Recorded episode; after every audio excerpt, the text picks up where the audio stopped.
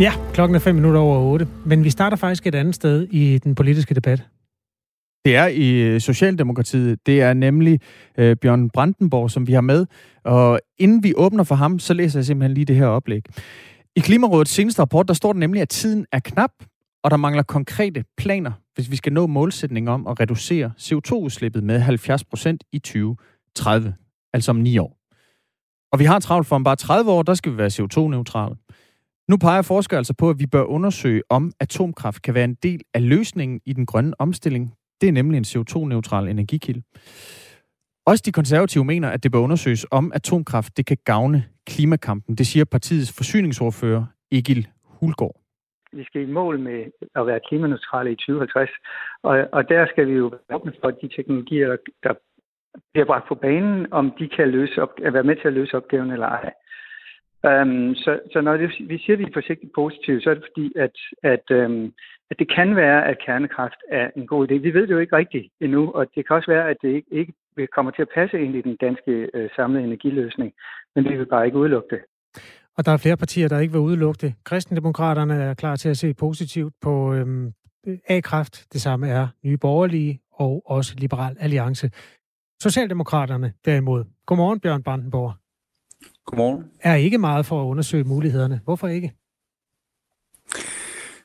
Nej, men altså, for det første, så når I refererer til, til Klimarådets rapport, så vil jeg også bare lige til mig at sige, at Klimarådet jo ingen steder i deres rapport skriver, at løsningen for så at nå vores 70% mål, det er, at vi begynder at omlægge til atomkraft eller at bruge mere atomkraft øh, i Danmark. Altså, virkeligheden er bare, at vedvarende energi, det er billigere, det er øh, grønnere, og det er sikrere end, end kernekraft. Og det er derfor, at der, der ikke er noget, der i hvert fald i den plan, som regeringen har, hvor vi, øh, hvor vi, hvor vi har en idé om, at, øh, at vi vil introducere mere øh, atomkraft i Danmark. Hvad er det vigtigste argument for at holde sig fra atomkraft? Altså hvis nu det er en god idé, er der jo ingen grund til at holde sig fra det, men der er nogle spor, der skræmmer. Hvad skræmmer dig mest? Jamen, det gør egentlig øh, alle tre dele. Altså for det første, så er det ikke billigere. Hvis man kigger i udviklingen af vedvarende energi, så har det foretaget sig et kvantespring i den globale pris øh, er faldet, samtidig med, at den globale pris på atomkraft er steget. Jeg, jeg mener det med en fjerdedel bare over de sidste, de sidste øh, 10 år. Hvis man så kigger på, på den vedvarende del, øh, så er øh, vindenergi bare meget mere energieffektivt. Øh, Danmark er rigtig, rigtig god til det. Vi har også et stort potentiale for, øh, for solenergi. Og så tror jeg bare med til det, husk, skal man måske huske, at en af grundene til, at, øh, at Danmark er førende inden for vind- og solenergi, og det er vi. Det var jo fordi, at der var nogle gode folk, som, som jeg blandt andet står på skuldrene af i dag, som jo valgte atomkraft fra, og valgte at gå andre veje, og det er jo det, der gør, at øh, Danmark i dag spiller en stor rolle i udviklingen, når det kommer til at, øh, at kunne producere øh, øh havvind, og nu også gør, at vi kan konkurrere øh, med, og i nogle tilfælde er langt, langt billigere end atomkraft. Bjørn Brandenborg her er klimaordfører for Socialdemokraterne. Vi skal lige høre fra nogle andre stemmer i den her debat. Bent Lauritsen er afdelingsleder på Center Nukleare Teknologier ved DTU, og han mener, at vi bør undersøge, om atomkraft er en mulighed for Danmark. Atomkraft det kan gå direkte ind og erstatte kul og naturgas. Altså atomkraft det udleder ikke CO2, og øh, det er styrbar energi, det vil sige, at du kan regulere strømmen efter, efter hvordan forbruget er. Øh, og det er derfor, at øh, jeg siger, at det er en af de alternativer, vi har til kul og naturgas. Det siger altså Ben Lauritsen fra DTU, som bakkes op af klimaforsker Jens Hesselbjerg Christensen fra Københavns Universitet. Nå klimamålene fra Danmarks side, det er, det er en meget ambitiøs og, og øh, krævende opgave. Og det kunne godt være, at atomkraft, i, hvis den ikke har de problemstillinger, som vi er bekendt med fra traditionelle former for atomkraft, jamen så kan det jo godt være, at det er noget, der er et, et, supplement.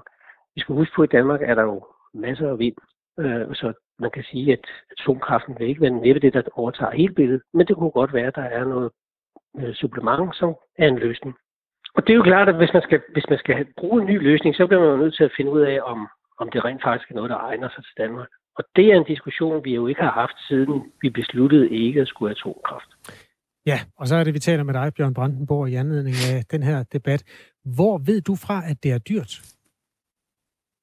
Men det er jo bare at kigge på, hvordan øh, priserne er på det internationale marked.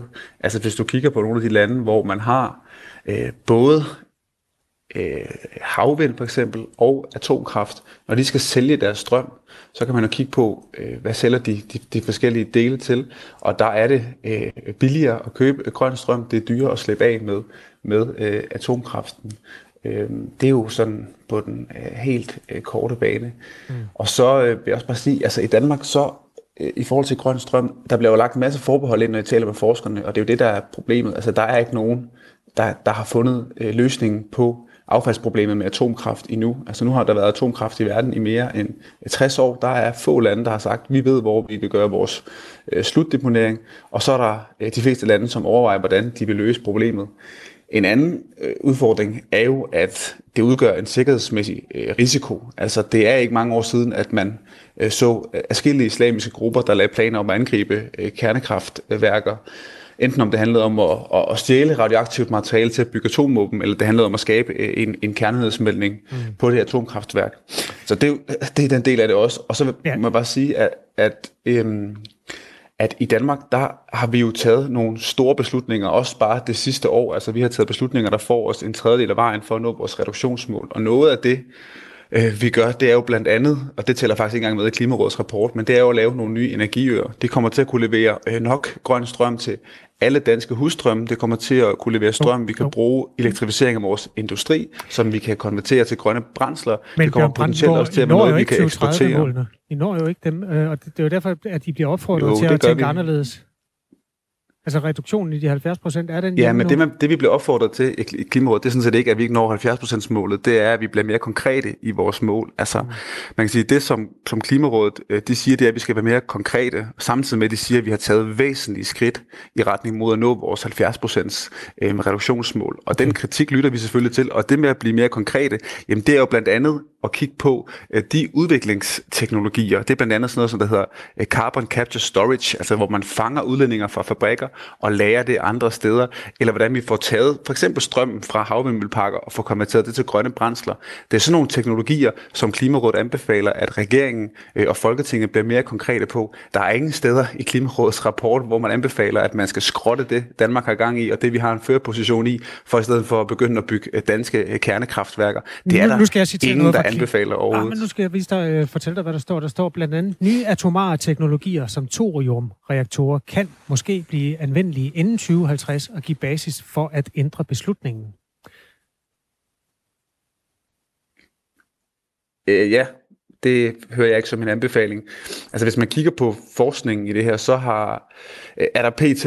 Øh, et projekt i Sydfrankrig, hvor EU og Danmark også er med i. Og der forsker man i, om øh, man, kan, man kan gøre det endnu mere effekt, energieffektivt mm. og gøre det energi øh, og gøre energikilden fri. Og hvis man kigger lidt i Danmark, så har øh, Energiforsynings- og Klimaministeriet og Uddannelses- og Forskningsministeriet kigget på mulighederne, og der så man altså ikke, at der var nogen hindring i, at hvis der var nogen, der gerne ville forske i øh, at bruge øh, thoriumteknologi, altså så kunne, man, så kunne man godt øh, gøre det, men der er bare ikke, der har ikke været øh, nogen i Danmark, som har været en stor efterspørgsel. Okay. Der har været en stor efterspørgsel på det. Øh, der har været, som jeg husker det, øh, og nu har jeg ikke været med i, i Folketinget i så mange år, men har der været givet en bevilling til øh, et projekt i, i kernekraft i Danmark. Så, men det, og det handler jo nok i virkeligheden om, at Danmark har en førerposition i noget andet, nemlig at vi er rigtig god i det, der handler om øh, havvind og om, om solvind, og det er der, vi har en førerposition, en førerposition, der jo gør, at vi er rigtig gode til det herhjemme, men jo også, at vi har danske ikke, virksomheder og danske forskere, der kan eksportere det Der er ingen, der beder dig om at afskaffe de energikilder. Det, man øh, diskuterer fra forskellige øh, Øh, hold, øh, det er jo, at om man skal satse på flere muligheder sideløbende med de vedvarende energikilder der.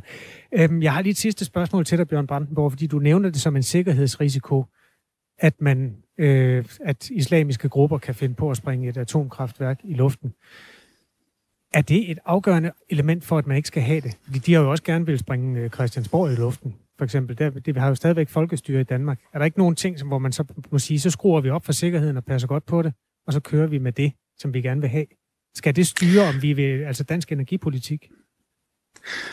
Øh, nej, ikke nødvendigvis, men det er jo bare endnu et godt argument i rækken af flere, som jeg synes, at jeg har, har leveret her til morgen. Altså både det argument også handler om, at øh, vi har andre former, som er billigere og grønnere, som gør, at det ikke er en energikilde, som er værd at satse på i Danmark. Så sikkerheden er ikke så vigtig i den sammenhæng alligevel? Jo, selvfølgelig er sikkerheden vigtig. Nu spurgte du mig, om der kunne være andre grunde. Nej, jeg spurgte i virkeligheden, om vi skal lære, altså afskaffe de ting, der virker, fordi øh, islamister kan finde på at springe dem i luften.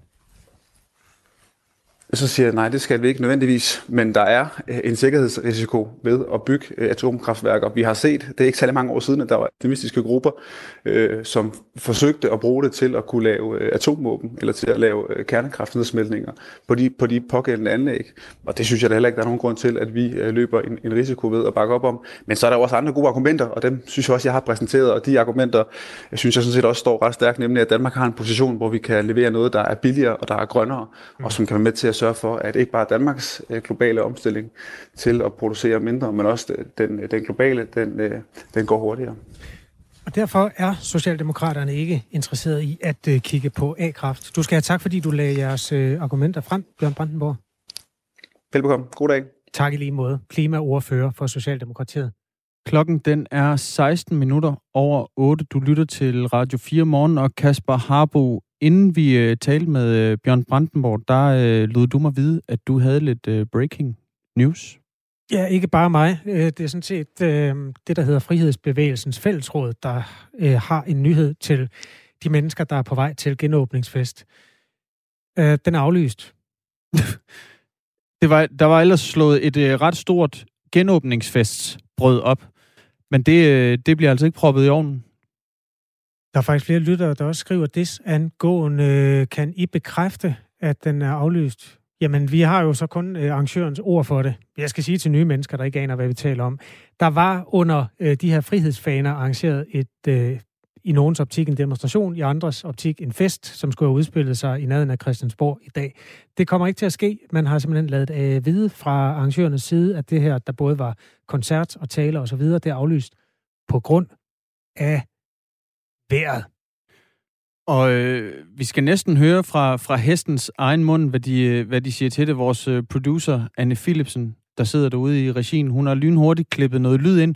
Så lad os lige høre, hvad Malou Moncler, øh, som altså var en af arrangørerne, hun gav som begrundelse til, at den her genåbningsfest nu er aflyst. Det lød sådan her. Jeg skal fortælle jer, venner, at vi er virkelig blevet udfordret de seneste dage men vi står fast på alt det, vi mener. Vi står fast på alt det, vi ønsker os i stedet for. Men øh, der er visse ting, vi ikke kan styre, og det er sådan noget som vejret. Vi har desværre måtte indse, at det ikke vil være forsvarligt at øh, afholde vores genåbningsfest i dag, og det handler om, at det blæser for meget. Der er en scenemand, som har fortalt os meget tidligt i morges, har han været inde på Torvaldsens plads og måle øh, over 18 eller 20 sekundmeter i vindstød. Øh, og så kan han ikke sætte scenen op. Vi har øh, måttet sande, at det, det er bedst og det er mest forsvarligt, at vi aflyser og flytter vores genåbningsfest til en anden gang. Det er mest øh, ansvarligt og forsvarligt, at vi flytter genåbningsfesten til en anden gang, siger altså Malou Moncler. Og det med forsvarligt, det er altså ikke øh, med henvisning til, at det måske kunne blive et øh, superspreder-event. Det er med henvisning til, at øh, det simpelthen blæser og, og regner for meget. Så der sidder nok nogle, øh, nogle mennesker på vej i en bus fra, fra Aalborg øh, eller andre steder i landet på vej til København for at deltage i den her demonstration, som ah, som nok er lidt træt af det. Det, der kan være det store problem ved at være en større flok mennesker, der er på vej til København, det er, at der er faktisk ingen steder, man må være en større flok mennesker. Undtagen ved en demonstration. Ja, eller i private hjem selvfølgelig, men øh, ellers så gælder forsamlingsforbuddet jo. Så der tegner sig nogle kabaler, som de her mennesker skal få til at gå op, lige så snart bussen den når øh, København. Det, vi følger med i sagen. Det kan være, at vi kan få en kommentar fra arrangørerne til den her fest, som jo altså også har delt vandene allerede inden den ikke kom til at blive øh, øh, og udfolde sig. Det var en fest, hvor der skulle have spillet musikere, og nogle af musikerne har jo øvrigt aflyst øh, inden de... Inden det var festen. Rasmus Snør har blandt andet øh, meldt afbud. Hmm. Hvis jeg tager væk, tager du så med, så får vi sol og kærlighed. Han bag hittet Sommer i Europa. Han, øh, han tog altså væk, kan man sige. Han kom, havde i hvert fald ikke tænkt sig at troppe op til den her demonstrationskostræk genåbningsfest. Øhm, og nu er den altså endegyldigt aflyst. Hvis du er et af de mennesker, der sidder på vej i en bus, så vil, hører vi gerne fra dig. Det kan endda være, at du har tid til at tale med os. Øh, skriv en sms til 1424. Start med R4 og et mellemrum. Jeg skal måske også lige skylde lige at sige, at vi har forsøgt at få fat på Malou Moncler, øh, som altså var en af arrangørerne af den her demonstration. Det er altså ikke lykkes. Vi bliver ved med at prøve. Klokken den er 20 minutter over 8. NASA er i gang med at bygge huse til månen, og nu har Rusland og Kina meldt ud, at de går sammen om at bygge en rumstation på månen. Men hvorfor giver det mening at kolonisere månen? Det talte vi med videnskabsjournalist Morten Andersen fra DTU Space om. Der kan være flere øh, fordele og idéer bag at have en, øh, en rumstation øh, op på månen. Altså, i, helt generelt så er det jo fordi, det er videnskabeligt øh, spændende at komme derop igen. Det er jo efterhånden ved at være 40 år siden, der har været øh, mennesker derop. Det var i 70'erne. En anden ting er, at der faktisk også er nogle råstoffer at udvinde derop. Og en, en tredje ting, det er, at det kan være en gateway og et træningssted, hvis man gerne vil, vil videre ud til Mars. Hun er altså et, øh, et godt sted og mellemland, hvis man, øh, hvis man gerne vil en tur til Mars. Hvis vi skal ud til Mars, så, eller hvis vi skal ud til Mars, så skal man træne i sådan et øh, ekstremt miljø, der er noget længere væk fra jorden end de her rumstationer. Altså for eksempel den internationale rumstation, den befinder sig jo kun 400 km over jorden.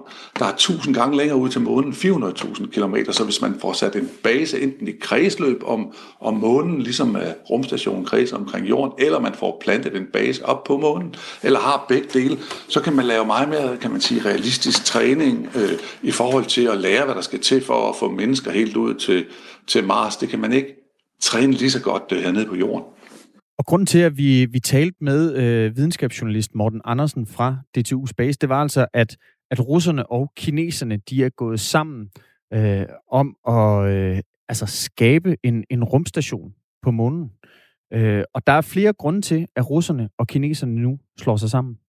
Det er jo et super interessant øh, samarbejde, Rusland og Kina har indledt om, om så at få bygget den her base, eller få en øh, bemandet rumstation i kredsløb derop. Der, der er flere elementer i det. Som I nævnte lige før, så ville øh, Rusland tidligere gerne arbejde sammen med USA. Det var i 2015. Der, der aftalte Rusland og USA, at de, NASA og Roskosmos i USA, at de vil gerne øh, indgå et samarbejde om det amerikanske månebaseprojekt, for amerikanerne er nemlig også i gang, det er ikke kun kineserne og russerne, Artemis-projektet hedder det. Så sidste år i 2020 meldte de så ud, øh, russerne, at det ville de alligevel ikke, og så ser vi så, at de har lavet den her aftale med kineserne nu, og omvendt kineserne har lavet den aftale. Så det er jo ikke bare teknologi og rumforskningssamarbejde, der er også et politisk spil om, øh, hvem er det, man allierer sig med, og hvilke signaler ligger der i det. Og på den det, det er super smart, det, det her set fra et russisk-kinesisk synspunkt, fordi Rusland har, har brug for Kina, som har overhalet dem teknologisk på mange områder. Kina er til gengæld den øh, nye øh, dreng i rumklassen, så at sige. De har, de har været kommet set i gang med deres rumprogram, så de mangler Ruslands øh, store rumerfaring, så det er super godt tænkt egentlig. Og til stor irritation, eller nogen irritation i hvert fald, til, for, for store klassiske rumnationer som øh, USA. Og det her nye samarbejde, det skal altså vise USA og Vesten, at Kina og Rusland, de også er med, og de er spillere, man skal regne med i det nye rumkapløb. Ja, altså, det er jo et, et nyt øh, rumkapløb, kan man sige. Et rumpolitisk øh, magtspil, om man vil.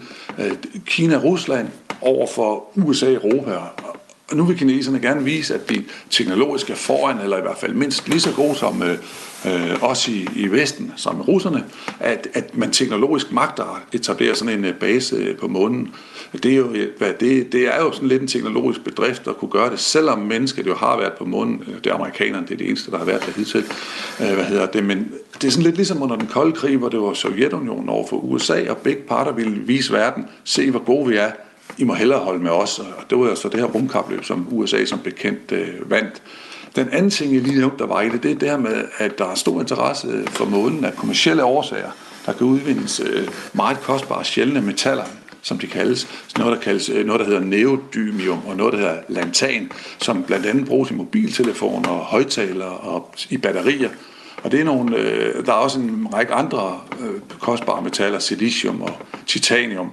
Og de ressourcer kan man jo alt andet lige lettere kontrollere, hvis man er til stede på månen, som der ikke er nogen, der ejer. Så derfor er der det her, sådan kan man sige, nye rumkapløb også er sådan nogle mere kommersielle årsager end, end bare ren magtdemonstration. Og så er der for det tredje og sidste sådan en ren videnskabelig dimension, øh, som jeg var inde på lidt tidligere, at øh, en mere permanent base op på månen vil være et vigtigt skridt, hvis man vil sende mennesker endnu længere ud i rummet til for eksempel Mars. Og det har faktisk både Kina og også USA ambitioner om sagde altså Morten Andersen, som er videnskabsjournalist hos DTU Space, om det her nye samarbejde mellem Rusland og Kina, øh, der altså øh, planlægger at bygge en, øh, en rumstation på månen og bruge den som blandt andet et, et sted, man kan mellemlande, hvis man skal videre til Mars.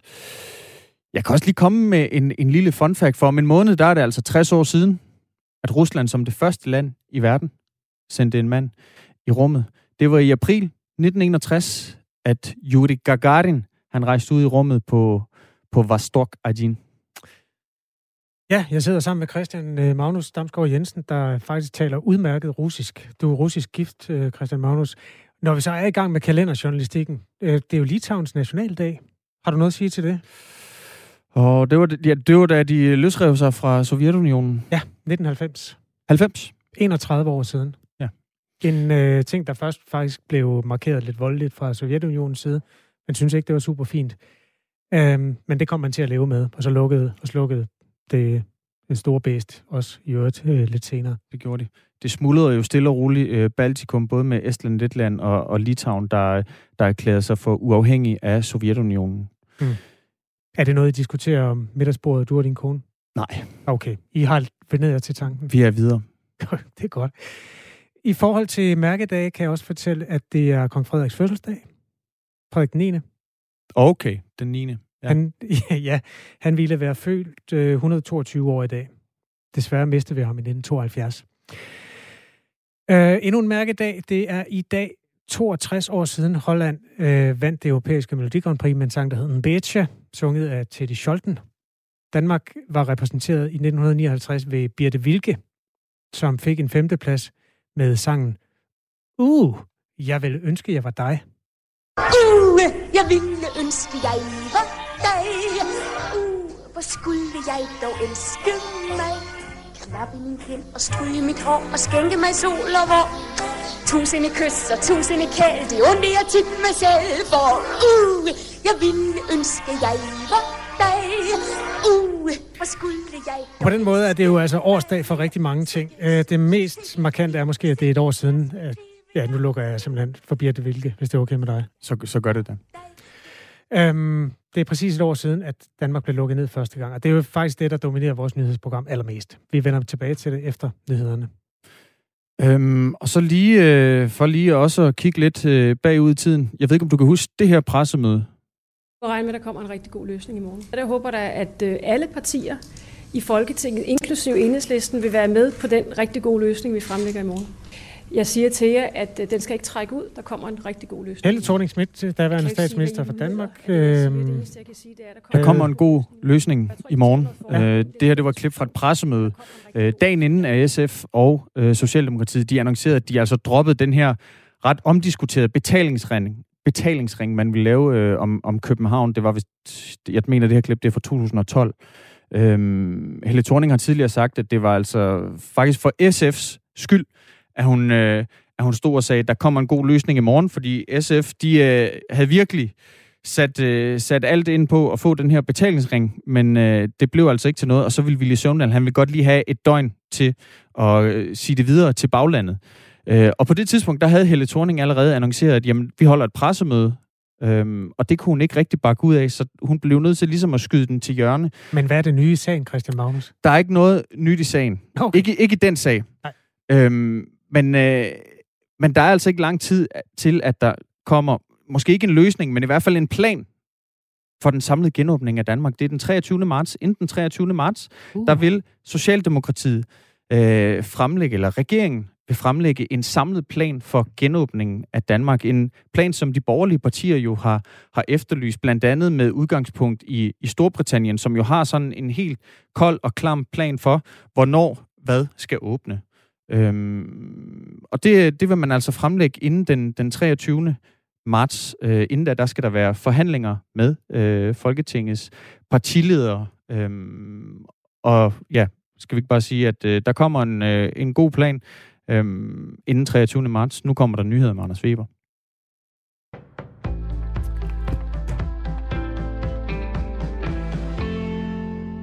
En stor coronademonstration i København i dag er nu blevet afløst på grund af vejret. Det oplyser arrangørerne bag Frihedsbevægelsens fællesråd.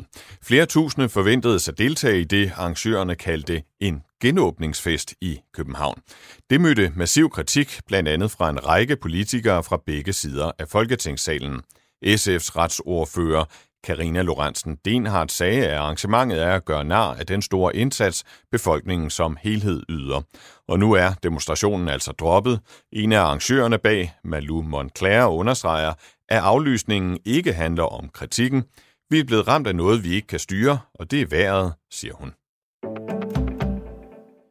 Og i dag er det altså præcis et år siden, at den første store coronanedlukning ramte, øh, ramte Danmark. Siden kom flere til, og det sænkede aktiviteten i samfundet og gik hårdt ud over sundhedsvæsenet blandt andet. Antallet af dødsfald er nu på 2.381. Men det tal ville have været anderledes dramatisk uden nedlukninger. Det har en forskergruppe ved Roskilde Universitet beregnet, skriver Jyllandsposten. Hvis man havde valgt at lade epidemien køre uhindret gennem befolkningen, indtil der var opnået flokimmunitet, så ville man på det nuværende tidspunkt i stedet have 17.500 dødsfald og 90.000 indlæggelser. Og det er blot et konservativt estimat, mener professor i epidemiologi på Roskilde Universitet Lone Simonsen. Indregner man den britiske variant af coronavirusets øgede smitsomhed og dødelighed, så når forskerne frem til, at op mod 35.000 ville være døde og op mod 160.000 indlagt. Militærets drab på demonstranter i Myanmar svarer til henrettelser udført uden om retssystemet. Det skriver menneskeretsorganisationen Amnesty International i en ny rapport, offentliggjort i nat dansk tid. Mere end 60 pro-demokratiske demonstranter er indtil videre døde, skriver nyhedsbureauet DPA. Myanmars militær væltede 1. februar landets demokratisk valgte leder Aung San Suu Kyi. Siden da har der været store protester i Myanmars gader.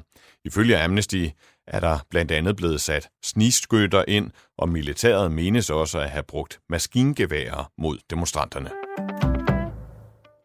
I USA er en hjælpepakke på svimlende 1.900 milliarder dollar blevet vedtaget af kongressen. Og coronahjælpepakken vil også hjælpe dansk økonomi, det vurderer Thor Strammer, der er cheføkonom i Dansk Erhverv. I og med, at den her hjælpepakke den er så øh, gigantisk stor, øh, så vil den også kunne øh, mærke sig hjemme i form af øget eksport. Og øh, et, et forsigtigt skøn er altså, at øh, vi vil se et, et løft i øh, BNP på cirka 10 milliarder kroner, og det vil kunne skabe omkring øh, 10.000 jobs primært øh, i eksportsektoren. Meldingen var klar, da statsminister Mette Frederiksen for et år siden på et pressemøde fortalte, at landet lukkede ned. Hun sagde samtidig, der er ikke brug for at hamstre varer. Og jeg vil gerne understrege, at vi står ikke i en fødevarekrise. Der er ingen grund til at hamstre hverken rugbrød eller toiletpapir. Men allerede få timer efter det nu historiske pressemøde skyndte danskerne sig alligevel i supermarkederne, og særligt dagen efter, den 12. marts, var der travlhed i butikkerne. Her havde Coop, der blandt andet står bag Kvickly og Fakta, et salg, der svarer til tre travle juledage, fortæller kommunikations- og analysechef Lars Aarup.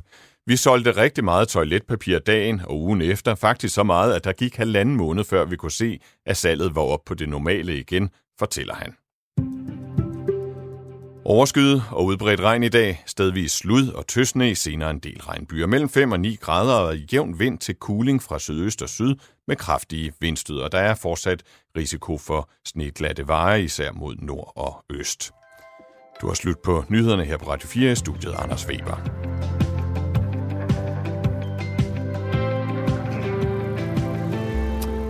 Hvad har det bedste og værste været ved det her sådan øh, ret besynderlige år? Øhm, det har vi spurgt folk på gaden om i anledning af, at det nu er et år siden, at Danmark blev lukket ned. Jeg kommer ind fra Radio 4. Ja. Må jeg spørge dig om noget? Ja. Det er et år siden, at de første store øh, nedlukninger øh, kom til Danmark. Hvad synes du har været det bedste ved det sidste år? Ved det sidste år? Hmm. det bedste? Nej, det ved jeg faktisk ikke. Oh, det er at få ryddet op i krogene. Det må være det. Det kan jeg ikke svare dig på. At øh, man ikke ustandsligt bliver krammet af fremmede mennesker. øh, jeg går på universitetet, så jeg synes, det bedste det er, at vores undervisning er blevet optaget. Så det er været tilgængeligt, selvom man ikke har kunnet deltage fysisk. Det er en tid til eftertanke. Jeg ved ikke, om, jeg ved ikke, om vi øh, rigtig tager det til os, når det begynder at gå stærkt igen, men, men øh, forhåbentlig har vi lært af det. M- må jeg spørge dig om noget? Hvad? Det er i det år siden, at de første nedlukninger her kom til Danmark. Må jeg spørge dig, hvad det værste har været ved det her år? Ja, jeg har to handicappede børn, som jeg ikke kan se, fordi de bor på en institution, og der er adgangsforbud. Så det er det værste. Jeg, ikke. jeg går ikke så meget i byen. Det, det, jeg har ikke haft det store forskel. Det værste synes jeg har været, at man hverken kunne komme i biografen til musik, eller gå ud og spise, eller simpelthen. Ja, det værste det har været at være ung, og det hele har bare været lukket ned. Ikke? Øhm, så, så uvidsheden i, at man ikke ved, hvornår det åbner op igen, det er nok, øh, det, er nok det værste. Uvidsheden har været det værste, fortalte, fortalte en øh, person, som vores reporter, Anton Ringdal, øh, havde været på gaden og, og tale med, for at høre, hvad, øh, hvad han og mange andre synes havde været det bedste og værste ved året, der er gået siden 11. marts 2020. Aften, det kommer til at få store konsekvenser for alle danskere, der vil komme med. Ja, det er et år siden, at Danmark blev lukket, og siden har vi levet under coronaens å. Statsminister Mette Frederiksen har kaldt det en dans. Det skulle vise sig at være en dans, hvor ingen rigtig kendte trinene, og derfor øh, kan vi jo markere øh, både de gode og de dårlige trin. Det har vi tænkt os at gøre med hjælp fra jer, der hører Radio 4 morgen. Vi fik en bunke gode spørgsmål i går, som øh, skal øh, stilles til dagens gæst, og gæsten hedder Mette Frederiksen. Godmorgen. Godmorgen. Velkommen til Radio 4. Tak for det. Øhm, vi har samlet fra de mennesker, der hører det her radioprogram, mm. og øhm, Merete fra Ølstykke, hun er belevent menneske, så hun tager sådan en icebreaker-vejen øh, ind. Hvordan ja. går du egentlig og har det for tiden? Nå, øh, tak for det spørgsmål. Øh, jamen, jeg har det faktisk, øh, jeg har det faktisk godt, øh, vil jeg sige. Øh, der er travlt. Der er rigtig, rigtig travlt, og det har der nu været i et, i et år. Det kan vi godt mærke øh, alle sammen, men, øh, men jeg har det godt, tak. Jamen, øh, selv tak mig. Øh, Merete er altså en af mange, der har stillet spørgsmål. Og så har vi fået et andet spørgsmål fra en lytter, der hedder Jakob Lindemann Andersen, der har skrevet på vores Facebook-side. Hans spørgsmål, det tager udgangspunkt i den her udtalelse fra dig, Mette Frederiksen, ved det første pressemøde, hvor du annoncerede nedlukningen af Danmark. Jeg vil også sige øh, til hele den danske befolkning, at vi står på ubetrådt land øh, i den situation, vi, vi står i. Vi har ikke prøvet det før. Kommer vi til at begå fejl? Ja, det gør vi. Kommer jeg til at begå fejl som statsminister? Ja, det gør jeg. Der kommer altså til at blive begået øh, fejl, hørte vi dig sige for et år siden, øh, Mette Frederiksen. Og Jakob han spørger, nu er der gået et år, og det er tid til at markere et års jubilæet med corona og covid-19. Hvilken fejl er indtil videre den største fejl, som regeringen har begået i håndteringen af pandemien? Oh, jeg, jeg ved ikke, om jeg sådan uh, kan stå og, og, og graduere eller, um, øh, eller, eller placere fejl ind på en, øh, øh, på en skala, men selvfølgelig er der blevet begået fejl undervejs. Altså, jeg vil, øh, jeg vil her nævne nogle af de ting, som, som jeg synes, vi kunne have gjort bedre i Danmark, og det er der jo så et element af fejl i. Øh, jeg synes, øh, i dag har vi et ekstremt øh, stærkt test-setup, hvor vi tester øh, rigtig mange steder i landet. Det er let at, at blive testet, og rigtig mange danskere gør det. Det vil jeg gerne have haft til at fungere på et tidligere tidspunkt, ikke mindst i, i øh, perioden øh, op imod den anden bølge, og det vil sige sådan i det sene efterår, i den tidlige vinter. Der, der var noget, der vi godt kunne øh, have gjort bedre. Det så viser så, at, at nogle af de steder, hvor vi faktisk kunne øh, teste, der var der så medarbejdere, der ikke ville lade sig teste. Så det, det viser også noget om, at, at der, der er mange, der begår fejl undervejs i sådan en pandemi. Men jeg, jeg vil gerne have haft det store testsetup, der i dag fungerer på et tidligere tidspunkt. Så er der jo begået nogle fejl øh, i, øh, i forhold til håndteringen af mink. Øh, og den mest øh, den, den, den, den fejl, der ligesom øh, er øh, alvorlig, øh, det er jo, at, øh, at det viser sig, at der ikke er, er lovhjemmel øh, til at træffe den beslutning, som vi er nødsaget til at træffe på baggrund af den risikovurdering, der lå med, med smitte på øh, minkområdet. Det er jo en fejl. Hvem, øh, så han spørger faktisk øh, videre, han havde måske øh, lidt forudset øh, Jakob Lindemann her, at, øh, at mink, mink, øh, mink-sagen, det var en af de fejl, du ville nævne. Han spørger videre, hvem opdagede den fejl? Var det regeringen selv, oppositionen eller en kritisk presse? Og hvad gjorde regeringen, da den blev bekendt med fejlen? Ja, altså jeg kommer ikke til at gå, gå ind i, øh, i hele forløbet omkring Mink. Der er nedsat en, Øh uh, en grænskningskommission, eller der er et, et bredt flertal i Folketinget, der ønsker en grænskningskommission. Så de konkrete spørgsmål på Mink, det må nu ligge i regi af kommissionen. Og hermed så skyder vi altså den til hjørnet. Det er altså en grænsningskommission, som går i gang til april, er det ikke rigtigt? Og så har den et års tid til at undersøge øh, sagen. Altså nu er det Folketinget, der suverænt beslutter uh, tidsproces og så videre. Ja, de datoer, du giver, det er i hvert fald uh, nogen, der har lyttet tidligere, men, men det er uh, Folketinget, man, man skal diskutere sådan den konkrete tidsplan med. Det her er Radio 4 Morgen, som har besøg af Mette Frederiksen. Hun er formand for Socialdemokratiet og statsminister i Danmark. Og de spørgsmål, som vi stiller, dem har vi fået fra lytterne af det her program. Der er faktisk en, der spurgte her til morgen, om de er blevet godkendt i den socialdemokratiske pressetjeneste.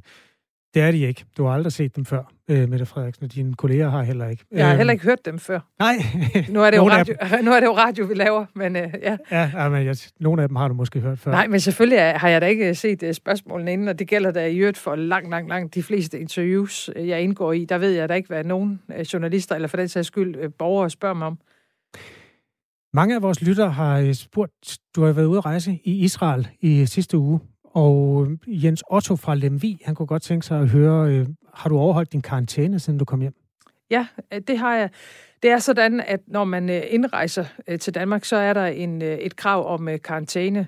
Når det handler om erhvervsrejser, og det er en erhvervsrejse, jeg har været på som statsminister, så kan man ophæve den karantæne, hvis man har en negativ test tidligst på fjerdagen. Og øh, jeg har for en sikkerheds skyld, øh, jeg er, er både blevet øh, testet, mens jeg var øh, i Israel, jeg er blevet testet, da jeg ankom til Danmark, så er jeg blevet testet på fjerdagen, som reglerne foreskriver, og så er jeg faktisk ydermere blevet testet på 6. dagen, også negativt. Så, øhm, så ja, jeg har overholdt reglerne. Så du anlagde, kan man sige, et forsigtighedsprincip? Ej, jeg overholder reglerne, øh, og når jeg er testet i, igen i går, så, øhm, så, er det, øh, så er det både fordi, jeg skal på Herlev sygehus i dag, og vil være sikker på, at jeg ikke kommer smittet til, til Herlev sygehus, men, men også fordi, at jeg øh, selvom jeg foretager ganske meget af mit arbejde, øh, især for Marienborg og, og dermed ikke er i kontakt med ret mange mennesker, så har jeg jo et, et arbejdsliv, som også kræver noget fysisk fremmøde. Jeg står også i jeres øh, radiostudie netop nu. Så jeg, jeg, jeg bliver testet sådan kontinuerligt og, og jævnligt, men jeg har overholdt alle regler, hvad angår rejsen til Israel. Godt. Jeg har heller ikke corona i øvrigt, kan jeg oplyse. Jeg blev testet for tre dage siden. Det var da øh, dejligt. Ja, øh, det her det relaterer selvfølgelig også til vaccinerne, som var det strategiske mål med den rejse. Og vores lytter, Mariem, er meget interesseret i vaccinerne. Hun har skrevet en sms til os, hvor der står sådan her. Først var målet, at vi skulle være færdige med vacciner slut juni. Nu er de ændret. Var man for optimistisk i vaccineplanerne? Kan du garantere, at vaccineplanen skulle holde? Nej, det er der ikke nogen, der kan. Og, og når, vi, når vi ikke kan opstille nogle garantier her, så er det jo fordi, at vi er dybt afhængige af i første omgang de tre Øh, godkendte øh, vacciner, der, der er på markedet. Nu håber vi på, at øh, Johnson Johnson-vaccinen fra USA også snart godkendes, så er der, så er der fire vacciner. Øhm, men, øh, men vi bestemmer ikke selv leverancerne, øh, og øh, den eneste grund til, at der er, der er forsinkelser, øh, og dermed ændringer i vaccinationskalenderen, øh, som tingene står øh, endnu, det er jo fordi, at øh, leverancerne er blevet forsinket. Nu kom der så en positiv nyhed i går om, at vi modtager ekstra Pfizer-vacciner her de sidste to uger i marts. Det er rigtig, rigtig positivt. Men der kan sagtens komme andre forskydninger, og, de, og de, vi kan ikke gøre noget ved det, øh, hvad angår leverancerne. Der er vi dybt afhængige af medicinalfirmaerne. Øhm, vi har også et, en lytter, der hedder Dan, som har et spørgsmål. Det kommer her. er, hvorfor vælge at starte noget samarbejde op uden om, hvad skal vi sige, de, altså udenom det danske firma, tage til Israel, hvor der er en aftale med, øh, med Pfizer, som, hvor man udleverer dansk data. Hvorfor ikke i stedet for at tage fat i det danske firma og, øh, og undgå, at der kommer den her tvivl omkring vores persondata og lignende?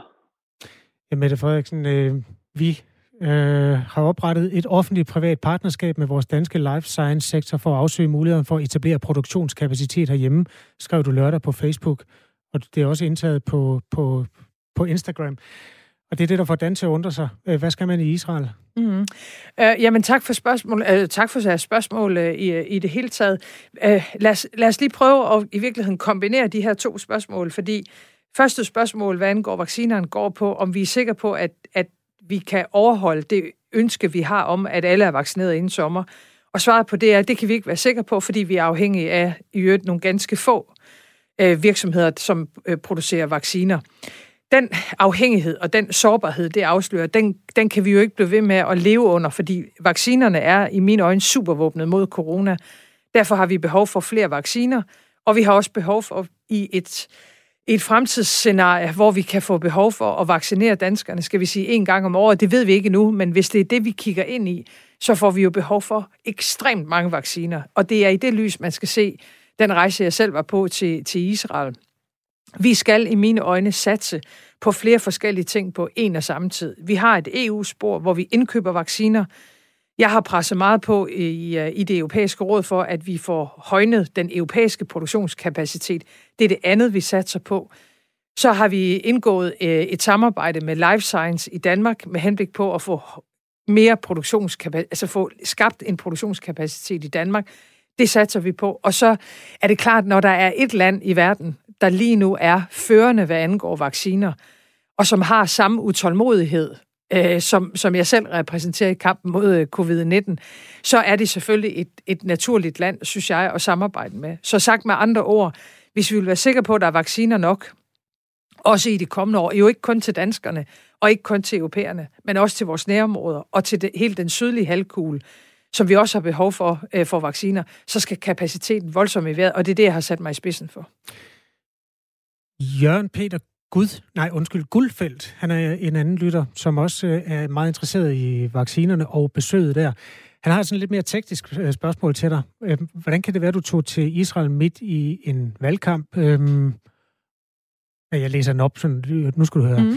Hvad fik statsministeren ud af besøget i Israel midt under en valgkamp, der kan forsvare at rejse midt i et behov for fokus på genåbning i Danmark? Hvad var det, der gjorde, at samme udbytte ikke kunne opnås ved online-møder, som vi andre er underlagt, spørger Jørgen Peter Guldfeldt. Ja, altså for det første vil jeg sige, at øh, det at være underlagt øh, online-møder, det gælder jo også mig. Altså langt de, øh, de fleste møder, jeg selv deltager i, er jo virtuelle.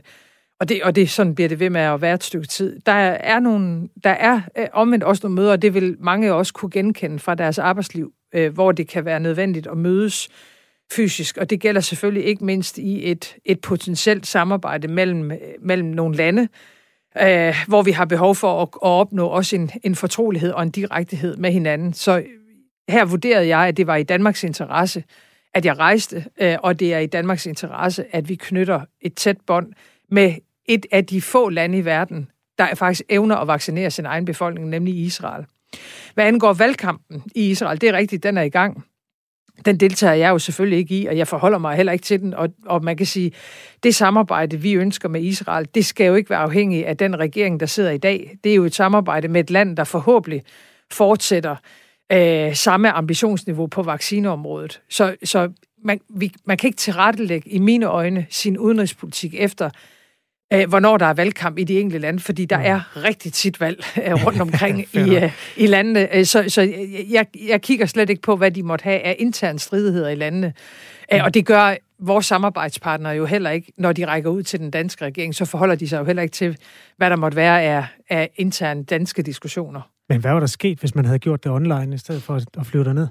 Ja, så vi har mødtes ganske mange gange online, øh, øh, øh, også med Israel. Øh, forhistorien er den, at øh, der dannes en koalition af lande øh, efter første bølge af covid-19. Øh, det blev kaldt på det tidspunkt gruppen af First Mover Countries, og det vi havde til fælles var, at vi havde klaret første bølge godt. Det var blandt andet Israel, Østrig og Danmark.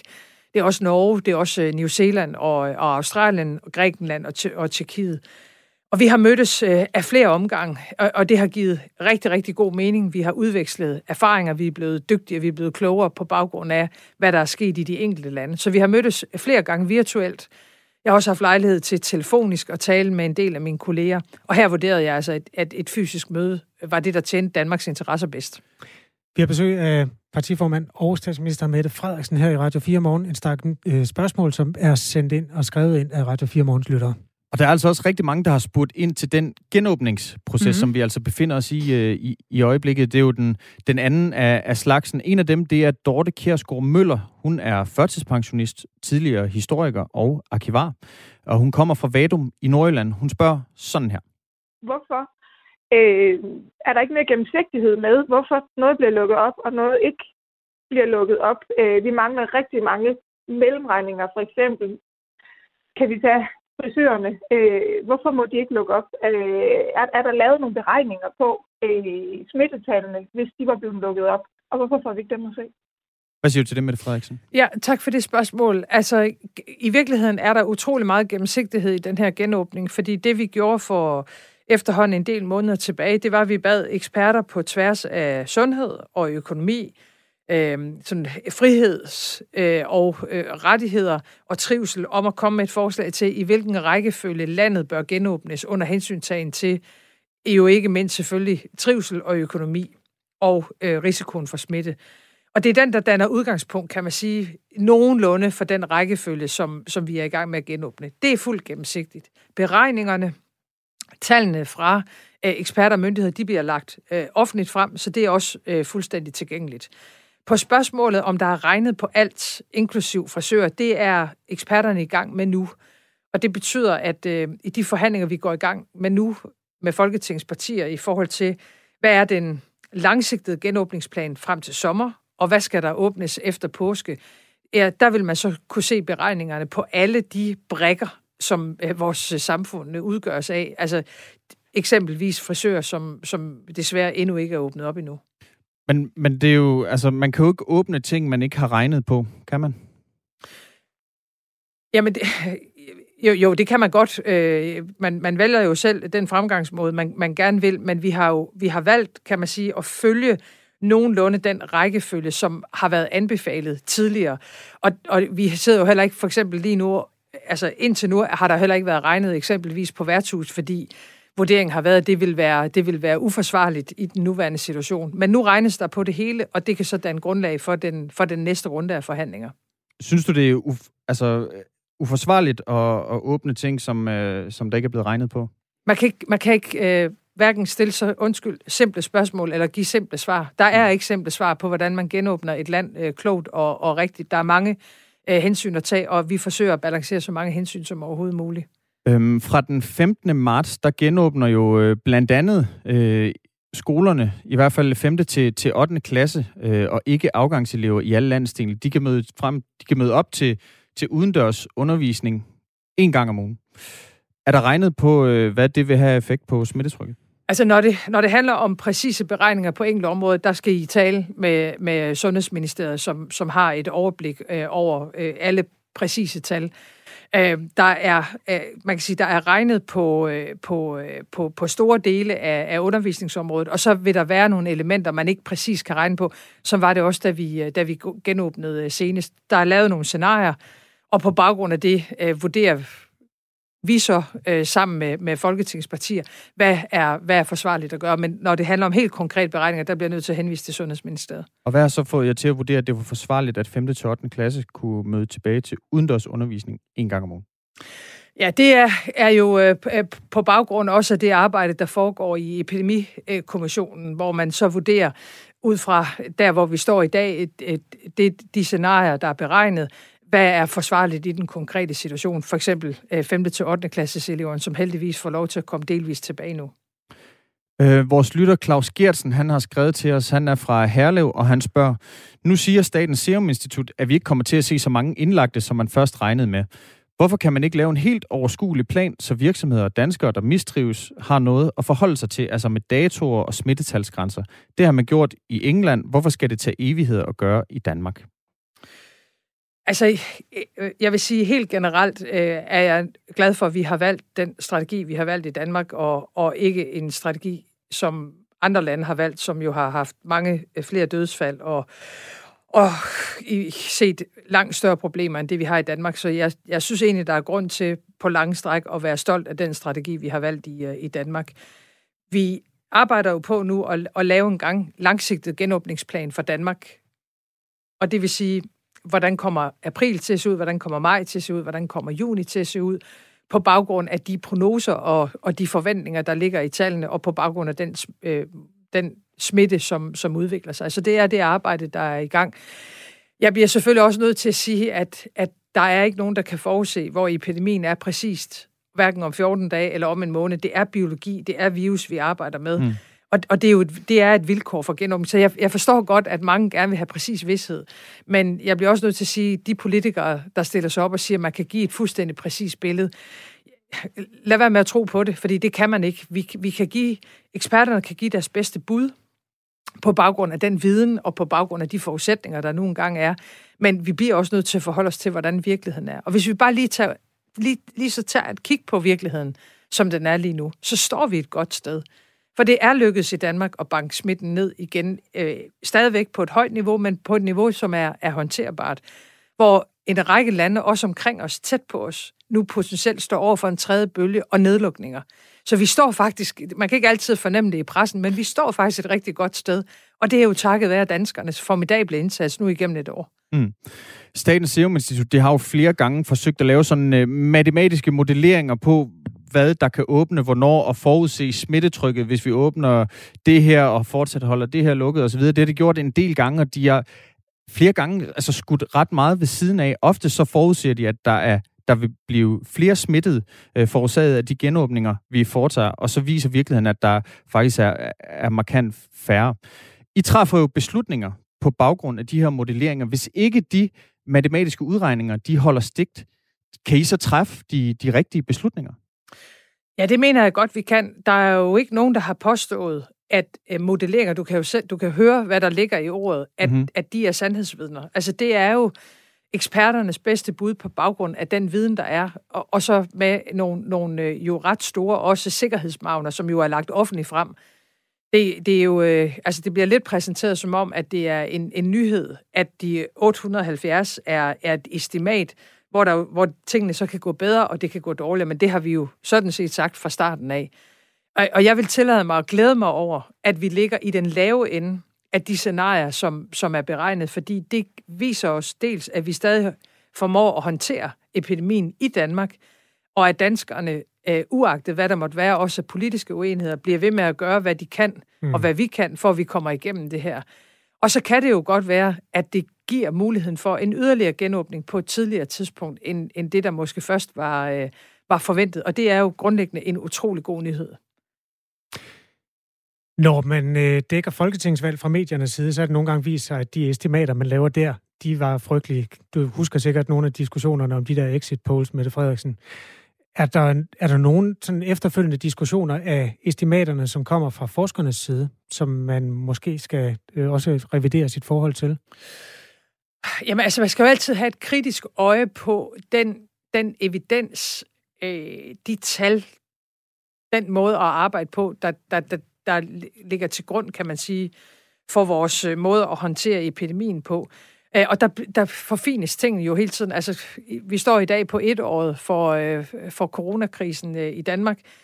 Dengang, der vidste vi knap, hvad det var, vi havde at gøre med. Der brugte vi jo i høj grad også vores, øh, vores intuition.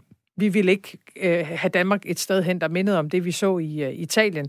Men, men øh, da jeg står på pressemødet den 11. marts, og vi lukker landet øh, de facto ned, øh, Øh, der, er, der hviler det jo ikke på noget stærkt fagligt grundlag.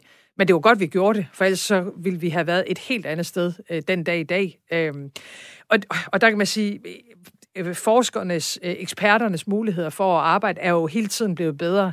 Jeg bliver så også nødt til at sige, at den der enorme kritik af de danske eksperter og myndigheder, den deler jeg faktisk ikke, fordi øh, der er også øh, ganske meget af, af det arbejde, der lave, laves, og de forudsigelser, som faktisk kommer til at holde stik. Og det lyder på den politiske debat nu, som om faren mm. den er drevet over, at vi er hen over det værste, hvad angår corona, og, og det er der ingen, der ved.